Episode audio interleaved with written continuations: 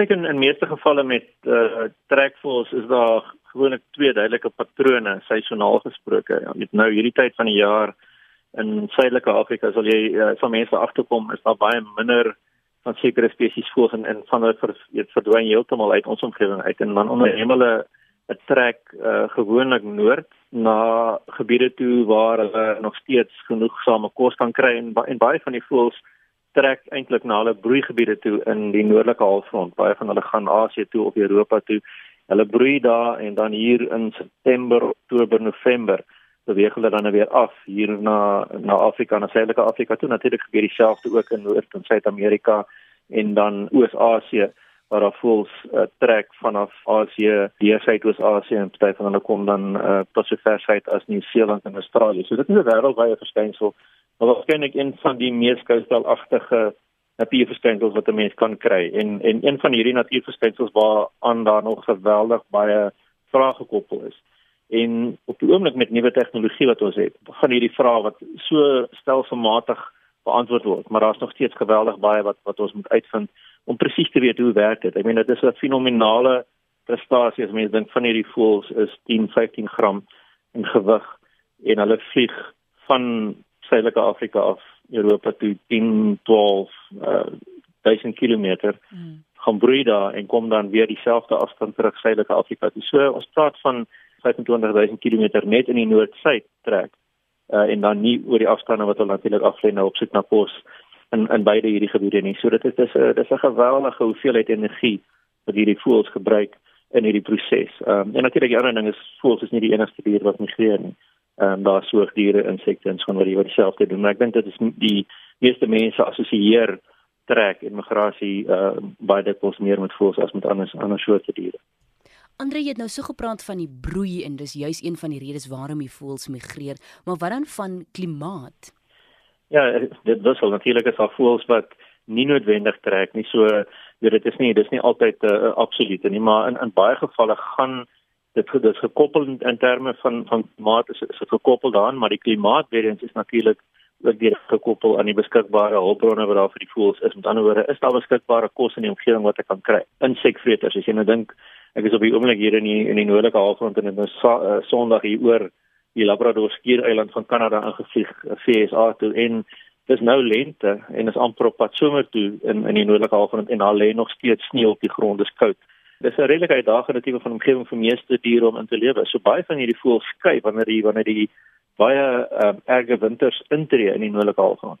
Is hulle geneig om dan te skei na die na die suidelike halfrond toe waar dit natuurlik warmer is wanneer dit onsomer is.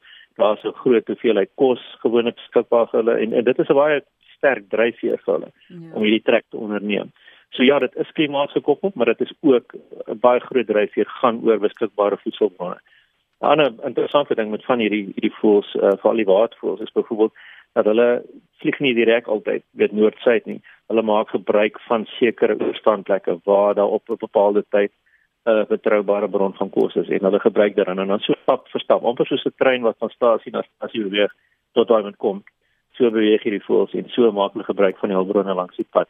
Uh en natuurlik as mens begin kyk na bedreigings en uitdagings, die praat van klimaat, klimaatsverandering uh volgens navorsing wat nou gedoen is kan ons sien het al reeds 'n impak op van hierdie diere natuurlik ook. As een van hierdie areas waar hulle weet hulle kos kan kry verander as gevolg van watter watter aktiwiteite ook al menslike aktiwiteit gewoonlik dan is een van hierdie stasies maar toe en hierdie voëls moet dan verder trek op soek na kos en dit raak dan meer van 'n uitdaging. So die hoeveelheid energie wat hulle gebruik raak geweldig meer. So Ehm um, daar's soveel wat 'n mens kan kan kyk na wat jy kan bestudeer in, in terme van migrasie alleen dat ek ek dink dis dis meer as 'n leefwyse werk. Uh, dis dis 'n fenominale verskynsel in die natuur. Ja. Waar het jou belangstelling vandaan gekom? Interessant. Ja, ja dit uh, dis wel verwag, maar ek ek dink my belangstelling in natuur het ek seker maar toe ek die dag my oë oopmaak, ehm uh, was dit maar daar en ek dink dit is iets wat ek my hele lewe wou gedoen het en ek is in 'n baie bevoordeelde posisie op die oomblik ehm um, en vir die afgelope amper 30 jaar om te kan doen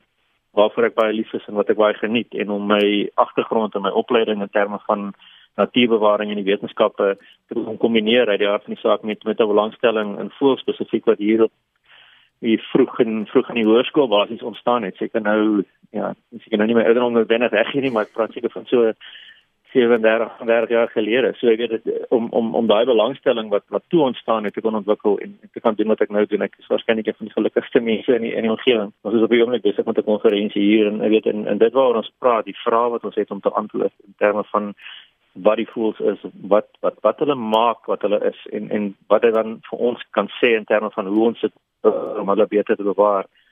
Dit is een van die groot uitdagings waarmee ons sit want ons weet terselfdertyd dat daar soveel uitdagings en, en soveel dinge wat impak het op hierdie voëls en en en die trekvoëls in besonder ons kan dalk vinnig daaroor gesels. Ja. Baie keer is van hierdie voëls besig om te verdwyn vinniger as wat ons vra op die antwoorde kan kry oor hoe om om hulle te bewaar. Dit is 'n geweldige uitdaging in hierdie dae en tye. En dis van die dinge waarmee ons en en waarmee ek self en my kollegas in in ons omgewing um, sit en, en waarmee ons worstel op 'n dag weet op op 'n daaglikse basis. Hoe skep 'n mens daardie bewusmaking oor voëls?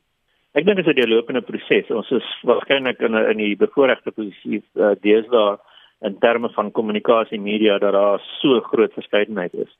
Maar terselfdertyd bied dit ook 'n uitdaging en ek dink dat mense so stimulasie het van inligting wat hulle kry op 'n dag-te-dag basis. Ek dink aan julle program en ek dink aan die hoeveelheid aspekte waarna jy kyk op 'n op op weet op 'n dag-te-dag basis in hierdie program en weet as jy mens daarna kyk en jy jy het hierdie een spesifieke faset wat jy onder mense se aandag wil bring is die, is die uitdaging geweldig groot om mense bewus te maak, maar ook om hulle bewustheid te hou en om ondersteuning te bewerkstellig vir dit wat 'n mens wil doen. So dis 'n reëlopende taak en uh onder andere om nou met jou te gesels en ook net uh, 'n bietjie inlig met mense te deel dra by tot hierdie poging om om mense meer bewus te maak te gaan so die geleentheid.